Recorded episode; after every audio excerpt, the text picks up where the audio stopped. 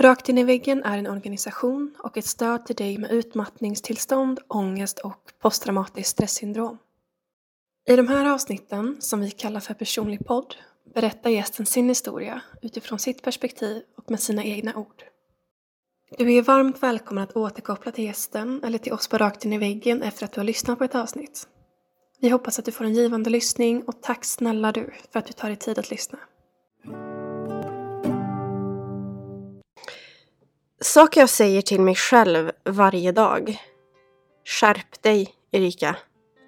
Du orkar. Du mår inte dåligt. Muskelryckningarna är inbildning. Du har inte tid att känna efter. Du har inte tid att inte jobba. Håll ut lite till bara. Ta i, för tusan. Trots att jag vet hur och vad jag ska göra för att inte stressa sönder så struntar jag ofta i det. Förminskar mitt eget mående. Ofta för att underlätta för andra. Men också för mig själv. Det är ju lite jobbigt att bemöta någon som är psykiskt sjuk så att jag skonar människor från att få ett helt ärligt svar. När jag ställer mig själv frågan När ska du hinna vila då? Kan jag titta på mitt kommande år och inte se en enda chans till att varva ner? Visst låter det hemskt? Men det är inte så lätt att göra allt rätt, även när man har en utmattning bakom sig. Jag drivs av prestationen, är entusiastisk, perfektionist, passionerad, känslig, ambitiös, produktiv, hjälpsam, snäll, dedikerad, envis och kreativ. Och det sliter på mig. För jag är allt det där hela tiden. Jag måste brinna för det jag gör. Och ibland är jag rädd för mina egna lågor. För de brinner så in i helvete att jag inte kan stoppa dem. De sprider sig och kan ta sån fart att det enda som kan få elden att slockna, det är när bränslet tar slut. Alltså mitt eget bränsle. Det är en kraft att kunna brinna så. Men också en förbannelse. För de som brinner mest och lyser starkast faller också ofta hårdast. Ibland föreläser jag om psykisk ohälsa. Om min utmattningsdepression. Det tog ett tag innan jag ville göra det. För jag visste att jag måste gå in i det med rätt inställning. Och på rätt sätt. Jag var tvungen att vara beredd på många saker. Till exempel anstormningen av folk som vill känna samhörighet, skriva av sig till mig för att jag vet precis vad de går igenom. Kritik, misstro, uppmuntran och energin det skulle ta av mig. Och en viktig insikt som jag var tvungen att landa i innan jag ställde mig på scenen eller i konferensrummet framför alla de där människorna. Det var att de som kommer för att lyssna, de struntar ju i vem jag är. De vill bli underhållna.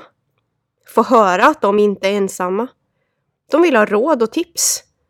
De vill få med sig något. Användbart kanske, hem. Ja, styrkan i föreläsningen ligger självklart i att jag vet precis vad jag pratar om. Men min historia är inte unik. Den är inte bättre eller sämre än någon annans. Därför visste jag att jag måste förpacka den här historien om mig själv på rätt sätt. Göra något som säljer. Det kan låta hårt. Men jag var tvungen att göra något som fångade människor. För att de skulle lyssna på mig. Jag visste inte riktigt vad det var först. Men det skulle visa sig att det var min positiva hållning till utmattningen som gjorde att man ville lyssna. Men också självdistans och en förmåga att förmedla känslor. Men framförallt ord. Jag är bra på ord. Och där hittade jag min främsta styrka. Först, innan jag fortsätter, kanske en liten presentation är på sin plats. Mitt namn är Erika Bergqvist. Jag är 31 år. Jag är född, uppvuxen och boende i Karlstad. Mitt vackra, soliga, varma och välkomnande Karlstad. Jag är också enda barn, dansare, friidrottare, poddare, kommunikatör, landsbygdstjej, föreläsare och skribent. Och så jobbar jag till vardags med kultur, sociala medier, webb, arbetsmiljö och att lyfta dem som samhället ibland glömmer bort. Jag valde att nämna jobbet sist. Medvetet.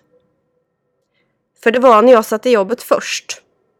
När jag satte det före mig själv och baserade min självkänsla och prestation på min yrkesroll och det jag utförde på jobbet som stressen blev övermäktig.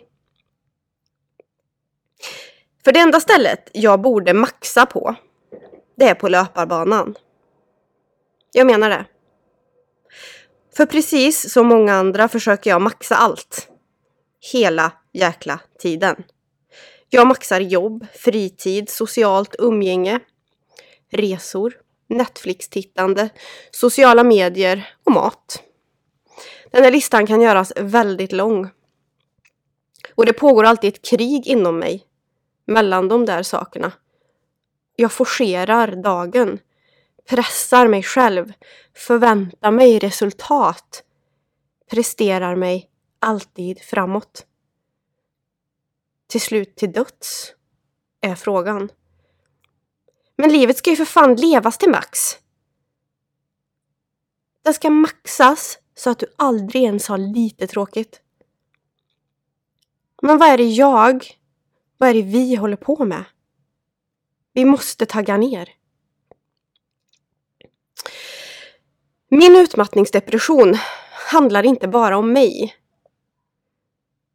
Och det vill jag lyfta. För utan alla människor som stöttat under vägen hade inte jag jobbat heltid idag. Jag hade inte föreläst, inte friidrottat och jag hade nog inte suttit och spelat in den här podden just nu heller. Det handlar om så många fler. Och de känner jag att jag kan glömma bort när man helt går in i sin utmattning.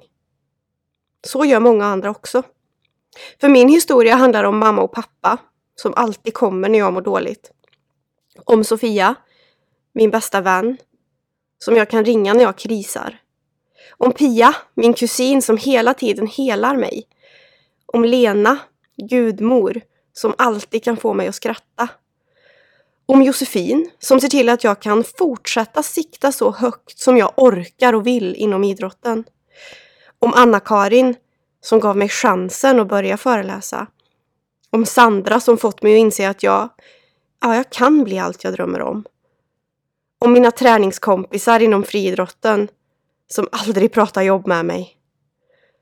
Om Nelly som visar mig att vänskap inte har någon ålder. Och Emma som ger mig kloka råd, främst om kärlek. Och så dig som jag inte tänker nämna vid namn. Insjuknande 18 februari 2016. Jag var på träningen efter jobbet, precis som alla andra dagar. I Voxnäshallen i Karlstad tillbringar jag flera timmar i veckan. Minst tio. Den här dagen skulle jag värma upp i våran ganska slitna friidrottsarena. Men det var någonting som inte stämde. För ju mer jag värmde upp, desto kallare blev jag. Och desto mer jag försökte få igång kroppen, desto mer slutade den fungera. För att göra en traumatisk och ett ganska långt händelseförlopp kort så kan jag säga att det blev sjukvårdsupplysning, akuten, blodtrycksfall och så sa man ta det lite lugnt, du är bra på måndag. Men jag var ju inte bra på måndag. Jag var inte bra på nästan två år. Men jag ska inte prata så mycket och ingående om symptom, olika faser i utmattningen eller den där första tiden. Typ inte alls. Allt det där har ni säkert hört tusen gånger förut från tusen andra utmattningsöden. Och jag minns ändå inte så mycket av 2016. Men det var då jag blev sjuk och då jag fick börja tänka om och omvärdera en hel del i livet. Det sjuka började väl redan innan dess, men det var då jag kraschade. Och ni vet, de där datumen sitter som berget i minnet. Fast varför är det ens viktigt? I det där tillståndet vill jag inte vara och jag har aldrig känt mig så lite som mig själv i sjukdomen och i den krisen som utmattningen är. Min läkare gav mig tidigt rådet att bli inte din utmattning. Han beskrev det som att en del av de han möter fastnar där, blir ett med sjukdomen. Mår ganska gött i det där mörka hålet från och till. För det vet jag att jag gjorde. Sen insåg jag även själv att en del människor är rädda för att läka för att de skapat en identitet kring traumat eller den här utmattningen som de upplevt. De vet inte vilka de är utanför dess väggar. Jag vet att det okända kan vara skrämmande. Men jag tror att det var mycket tack vare hans råd och andra människor runt mig som jag visste vart jag skulle och att jag skulle göra allt för att må bättre. Jag skulle väl upp och ut och lära mig leva med min förtunnade järnbark, precis som jag levt med pollenallergi. Den skulle i alla fall inte få begränsa mig. Igen. Tagga ner, sa jag förut. Det är det jag kallar min föreläsning också. För vi måste lära oss att tagga ner i en värld som hela tiden uppmanar oss att tagga till. Bli snyggare, bättre, större, mer framgångsrika. Ja, vi har många mål. Och jag både är och känner mig upptagen hela tiden. Och jag vet ju att det är så dåligt. För jag vilar inte. Min kropp och hjärna vilar aldrig. Även om samhället uppmuntrar till att alltid ha saker att göra så är vilan lika viktig som att äta, sova och få närhet. Men ska man låta riktigt lyckad är en full kalender the shit. Och det har jag. En fullspäckad kalender. Men jag känner mig inte ett dugg lyckad. Mest olycklig. Och som att jag går omkring med ett adrenalinpåslag som kan försörja en mindre stad med el, typ. Så är jag ofta. Och min kropp tycker ju inte att det här är speciellt roligt. För den blir ju trött. En stor vinst förra året, det var när jag slutade med antidepressiv medicin. Ett år och nio månader med medicin såg slutet i början av 2018 det var en stor dag och jag var oerhört stolt och glad. Årsdagen kom och gick i år. Utan att jag kom ihåg det. Det var på ett sätt skönt. Men jag var också lite för upptagen för att ens ge mig själv chansen att minnas det. Och jag tänker ofta på när jag frågar människor, hur är läget? Så blir svaret ofta, ja det är mycket nu. Och man kan höra spår av stolthet i rösten. För att vara upptagen är fint. Det är i alla fall det vi uppmuntrar och ser som lyckat i det här sönderstressade samhället. För har vi mycket att göra, tror jag, så kan vi lite till mans låtsas att vi är viktiga personer. Att tillvaron eller jobbet skulle stanna upp utan oss. Vilket ju är en form av självbedrägeri. Vi tar oss själva på för stort allvar. Det gjorde jag. Och sen blev jag sjuk och fick inse att jorden snurrar runt sin axel oavsett om jag finns där för att skriva webbtexter eller ej. Jag var inte det minsta upptagen längre. Eller viktig. Jag låg bara med dåligt närminne i en säng och grät. Men vardagen den fortsatte ju utan mig. Att han bara hade mage. Så fräckt. Men man anställde någon ny. Melodifestivalen avgjordes, sommaren kom och gick och människor runt mig fortsatte med sina liv som att inget hänt. För inget hade ju hänt. utom för mig och mina nära. Om inte jag nära nog blev tvingad skulle jag inte ta semester. För jag är så dålig på att vara ledig och verkligen släppa allting. Jag har svårt att inte ha uppgift efter uppgift som ska lösas framför mig. Det är en dålig egenskap för det stressar. Ni vet känslan när man inte riktigt vågar vara utan något att göra för då känner man sig värdelös. Där hamnar jag lätt. Förut visste jag inte vem jag var utan det. Och tyvärr känner jag fortfarande så ibland. Jag hamnar lätt i den prestationsfälla som samhället skapat åt oss. Den där man ska jobba mycket, ha en fullbokad kalender och vara vass inom alla områden i livet. Prestera överallt, varje dag. Men vet ni vad? Det är så sjukt okult att jobba för mycket. Att aldrig ta rast. Och att leva för ett jobb som kan byta ut dig hur lätt som helst. Varför? För att det är sjukt okult att vara utmattad. Du vill inte dit.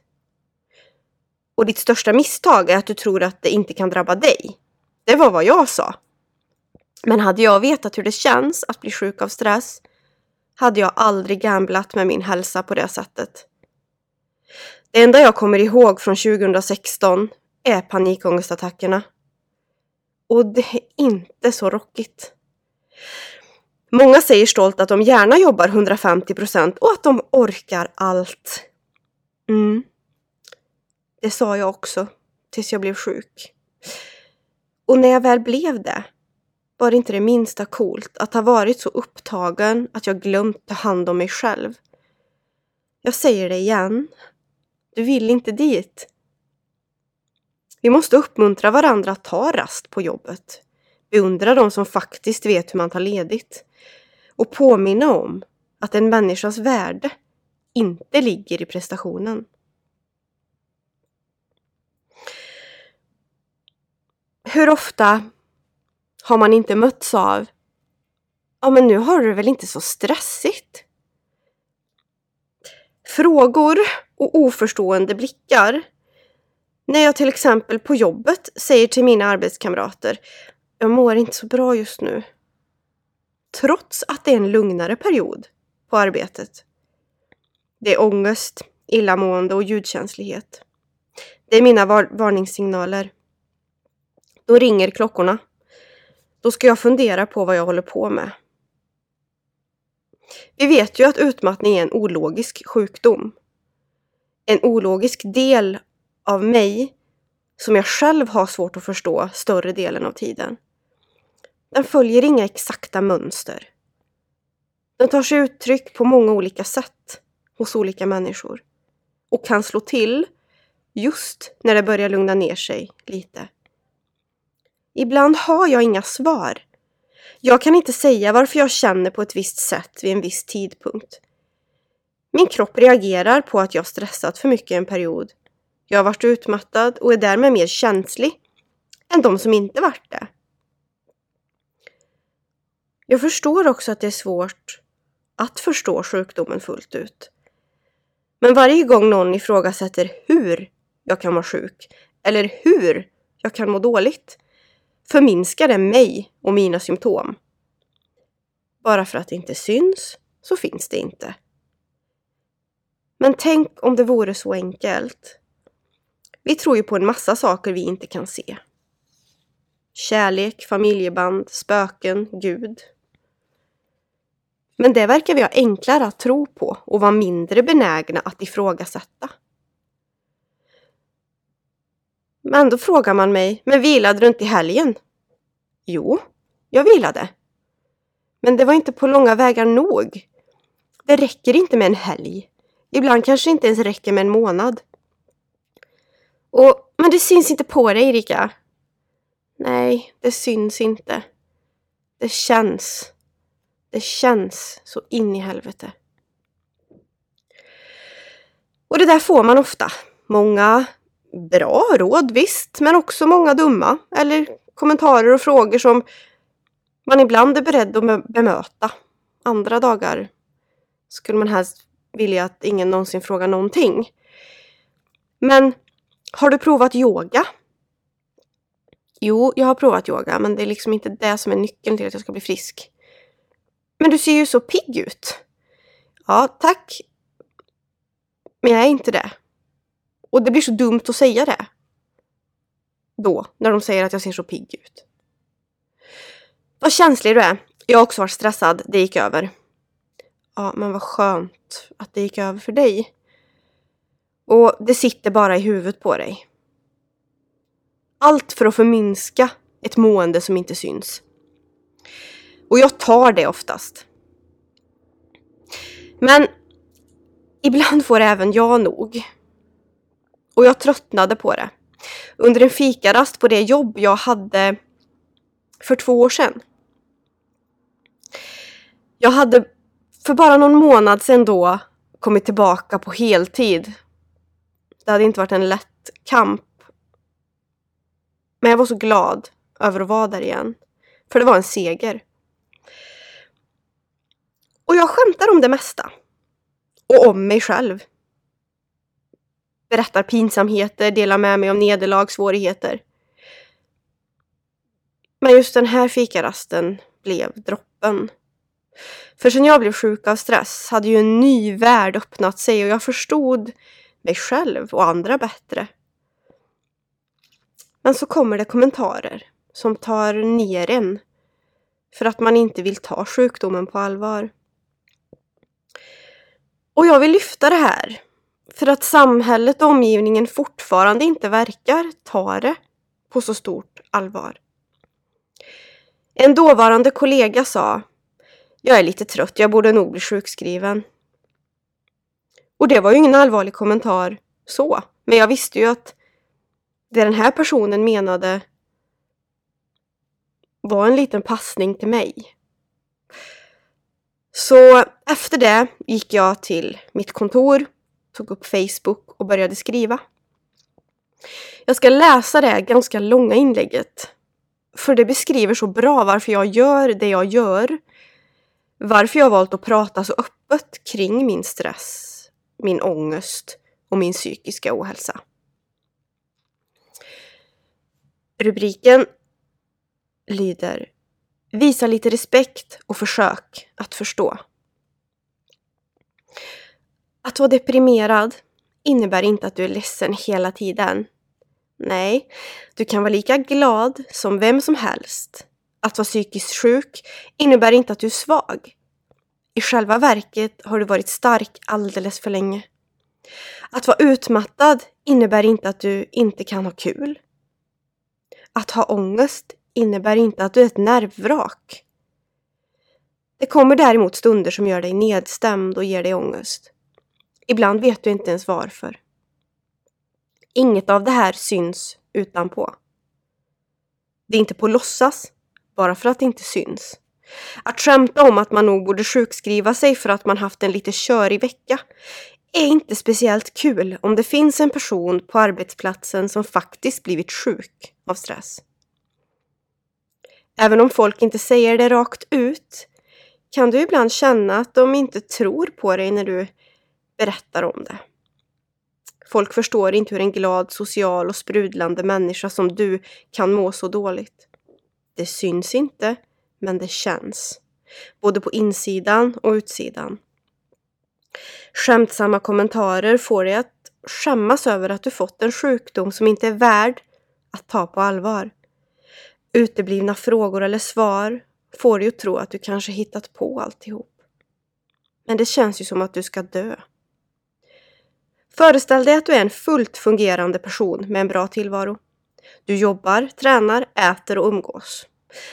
Men så en dag börjar du glömma saker och får en känsla av att kunna sova i en vecka om du bara fick chansen. Sen kommer yrseln, känselbortfallen och magsmärtorna. Ett avgrundsdjupt hål öppnar sig och slukar dig hel. Mat smakar inte gott längre och minsta lilla ansträngning slår ut dig totalt. Alla ljud är för höga, allt ljus är för skarpt och om det inte lät så konstigt skulle du beskriva det som att ljudet och ljuset gör fysiskt ont. Efter ett tag måste du sluta umgås, för du orkar inte vara social. Du slutar träna, för du har ingen kraft kvar. Men kör på med lite av varje ändå. Till slut kan du inte gå till jobbet för du bara gråter, kan inte koncentrera dig. Och trots att du vilat hela helgen verkar du om möjligt ännu tröttare när måndagen kommer. Ska du dö nu? De nya konstiga symptomen verkar aldrig ta slut. Det mörker du har inom dig förintar allt som är gott. Det är slut nu. Men så en dag vänder det. Du börjar bli frisk. Äntligen börjar du känna ljus och liv inom dig igen. Du har lärt dig massor om dig själv, om andra människor, men det har ingen annan. Du är samma person med ett uppdaterat inre som ingen kan se. Du förklarar hur du mått, vad som hänt och varför. Du berättar om utmattningsdepression. Ändå ifrågasätts du, ändå dundrar folk fram utan hänsyn. Ändå skämtas det om stress, ändå får du bita dig i tungan och välja dina krig. När någon föraktfullt pratar om svaga nerver knyter du handen i fickan och tänker om ni bara visste. Det är en sjukdom som inte syns, som det kan ta lång tid att återhämta sig från. Detta leder ofta till att folk också glömmer att man är sjuk. Speciellt när man verkar vara sitt vanliga jag på jobbet eller i andra sammanhang. Vad ingen vet, det är att du spelar dig själv ibland och håller skenet uppe. Men vissa dagar fungerar inte det. Vissa dagar orkar du inte dölja och släta över. Ändå går du upp ur sängen och möter dagen. Jag berättar gärna, bara du frågar. Jag förklarar, men är du villig att försöka förstå? Erika Bergqvist, Karlstad. Det var som sagt en ganska lång text, men den är viktig. Inte bara för mig, utan för många andra skulle det visa sig. På bara ett par dagar blev texten viral. Omtalat.se hörde av sig, lokalradion, lokaltidningarna och TV. Och så de som delade mitt inlägg och ville säga tack, heja, bra jobbat och äntligen.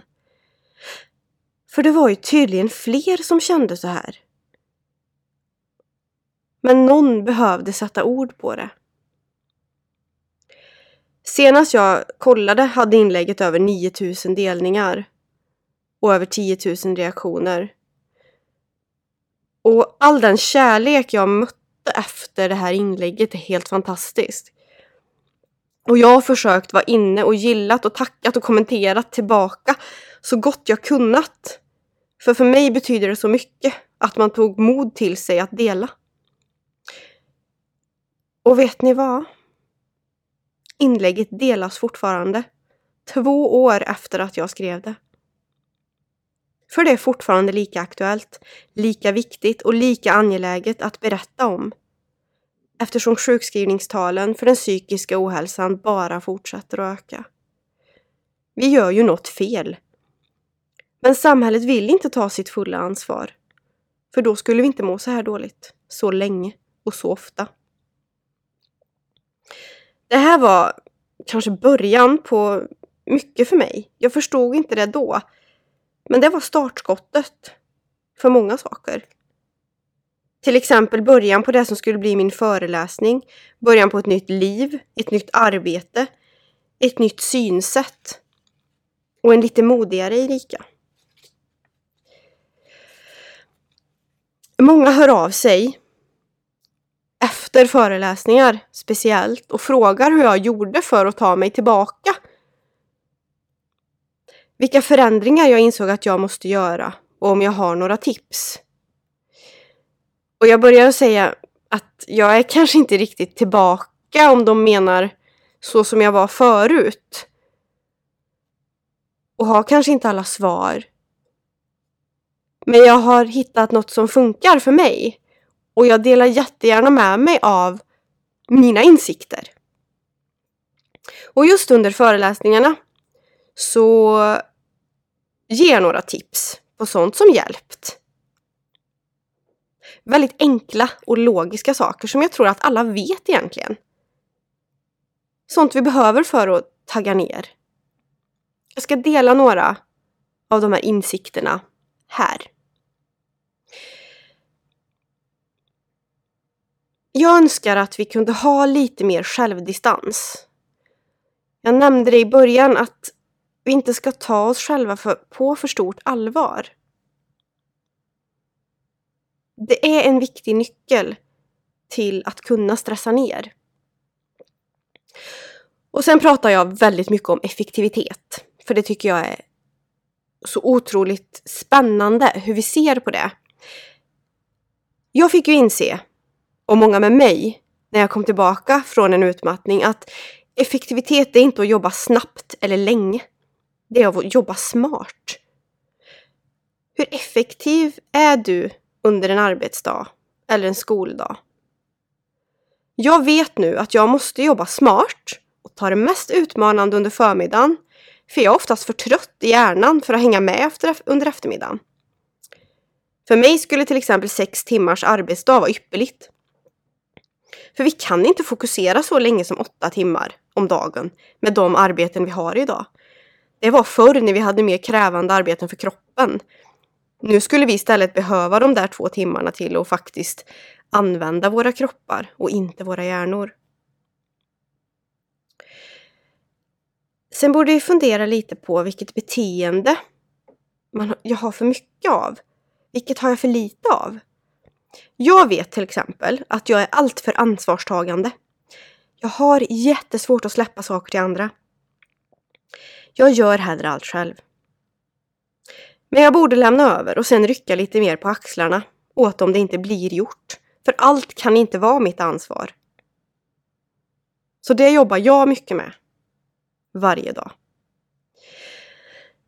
Jag vill säga att du ska träna eller att du ska röra på dig. Men ha en sund relation till träning. Jag tränar hård friidrottsträning. Men jag har alltid struntat i till exempel hälsomagasin i Instagramkroppar och i proteinpulver. Jag är snarare en ambassadör för att träna det du älskar och mår gott av. Och även äta det du älskar och mår gott av. Vad andra gör är inte viktigt när det gäller träning. Och mitt absoluta favorittips och det jag använder mig av mest själv, det är att alltid göra ett aktivt val. Svara ja eller nej så snabbt som möjligt på frågor om jobb, inbjudningar på fritiden och så vidare. För du behöver ju inte en extra sak att fundera på. Vad säger magen? Följ intuitionen så löser sig det mesta. Se bara till att det finns balans mellan ja och nej. Jag har en regel. Att jag ska ge ett svar inom en timme. För att efter det kunna släppa det. Eller börja jobba med det. Och sen så måste vi faktiskt börja göra en sak i taget. Det är extra viktigt att inte försöka sig på att göra saker samtidigt med en stressad hjärna. Att göra flera saker samtidigt alltså. För det blir sällan bra. Det blir kaos. Snarare. För det där med multitasking, det finns ju egentligen inte.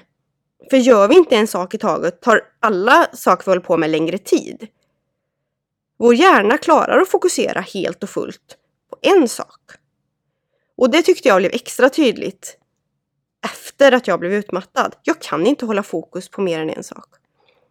Det går snabbare och blir bättre gjort om jag faktiskt arbetar med det jag har framför mig och inte försöker prata i telefon, svara på mail och skriva en text samtidigt. Jag vill också att vi ska bli bättre på att vara snälla mot oss själva. Var lika noga med vad du säger till dig själv som vad du säger till andra. Vi ger ju andra komplimanger hela tiden. Säger att de är fina, snälla, duktiga. Men till oss själva säger vi väldigt sällan att vi är fina, snälla och duktiga. Och hur nyttigt är det för kroppen? Att vi bara matar den med negativa känslor från oss själva. Och så vill jag inte att vi ska vara rädda för att göra fel. För alla gör misstag. Vi ska inte hänga upp oss på saker. Att göra fel definierar dig inte som person på arbetet. Till exempel. Det är hur du agerar efter det och att du lär dig någonting av det. Se också till att få utlopp för din kreativitet.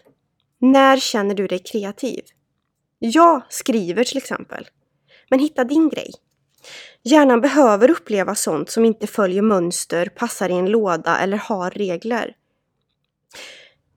Ibland kan det faktiskt vara så att en del av vår trötthet inte beror på att vi gjort för mycket, utan på att vi gjort för lite av sånt som tänder en gnista inom oss. Och vi lever i ett samhälle med så himla mycket ljud, brus, med tillgänglighet hela tiden.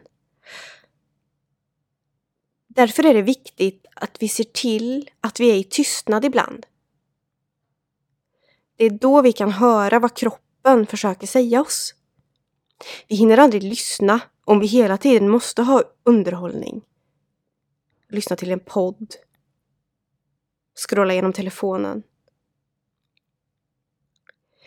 För tystnaden, den kan liksom avslöja saker inom oss som vi behöver ta hand om. Men de ser vi inte om vi hela tiden är distraherade. Och vart går din gräns? Det är nog det allra viktigaste att ha koll på. Vart går gränsen på arbetet, på fritiden, i hemmet, i mötet med andra människor? När blir det för mycket? Vilka förändringar måste du göra för att orka vara en fungerande människa? Har du koll på det kommer du ganska långt i ett bra mående.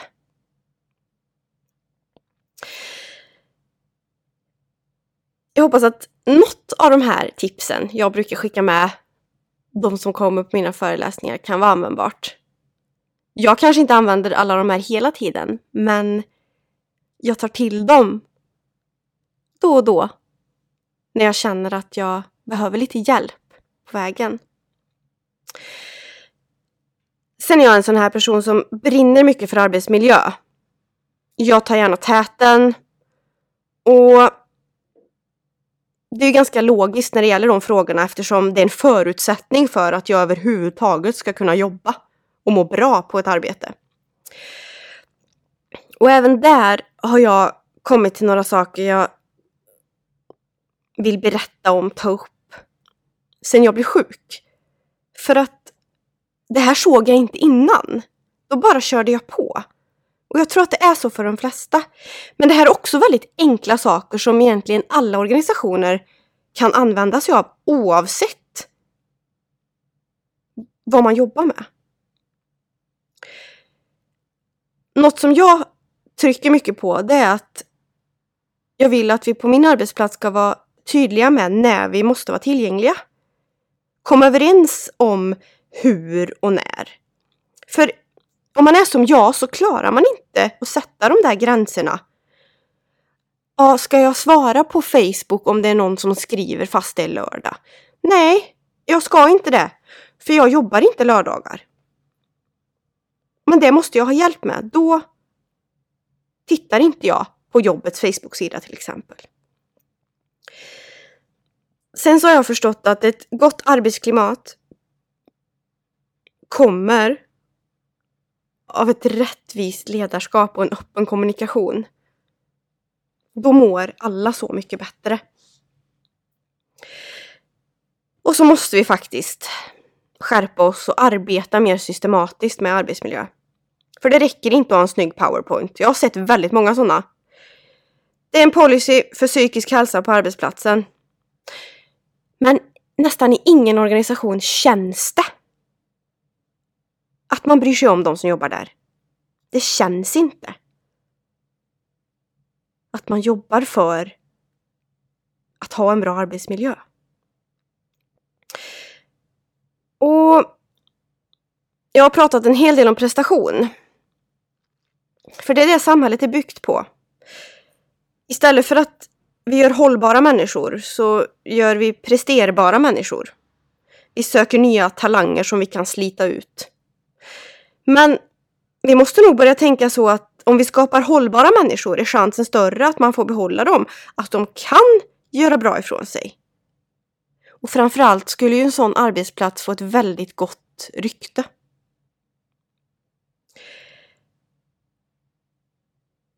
Och det allra viktigaste kanske. Agera i tid. Ta det på allvar när någon säger att den är för stressad.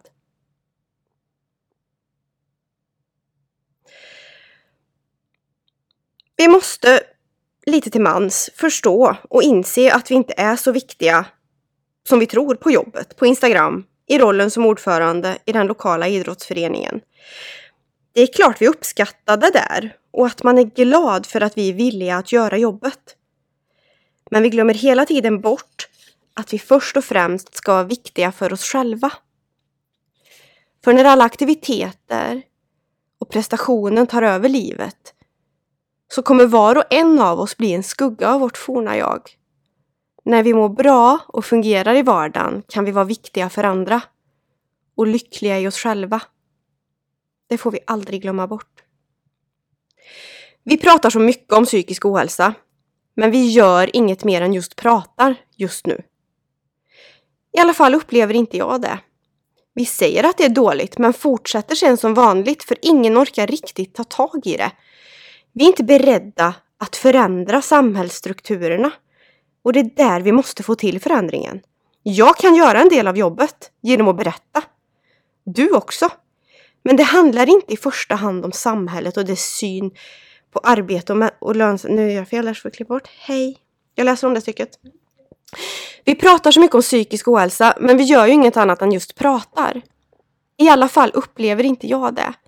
Vi säger att det är dåligt, men fortsätter sen som vanligt för ingen orkar ta tag i det. Vi är inte beredda att förändra samhällsstrukturerna och det är där vi måste få till förändringen. Jag kan göra en del av jobbet. Du också. Men det handlar i första hand om samhället och dess syn på ar arbete, människor och lönsamhet.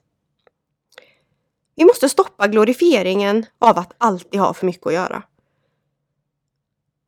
Tusan, jag skulle tycka det var ascoolt om någon svarade att den är utvilad och lycklig när jag förhörde mig om hur läget är. Psykisk ohälsa, det är så osynligt tills vi själva drabbas. Jag älskar min utmattning för att den gett mig chanser och fått mig att stanna upp, att omvärdera.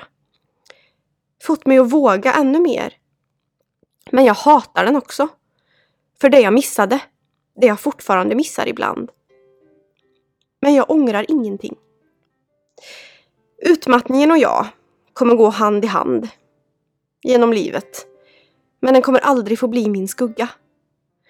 Snarare en vän som ibland med varsam hand, ibland med lite mer eftertryck, påminner mig om att ta det lite lugnt och stanna upp och lukta på blommorna i sann Ferdinand-anda.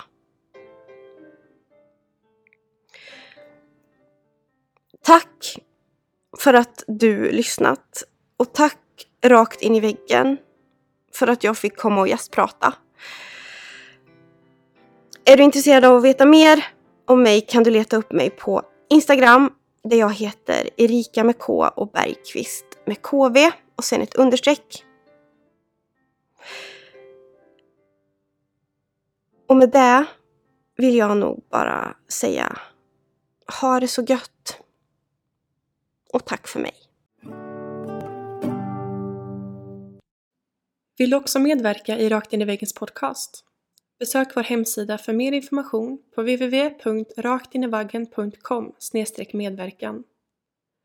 Om du vill tipsa oss om en poddgäst eller om du har en fråga eller synpunkt på det vi gör kan du alltid mejla oss på podcast raktinivaggen.com för att få svar.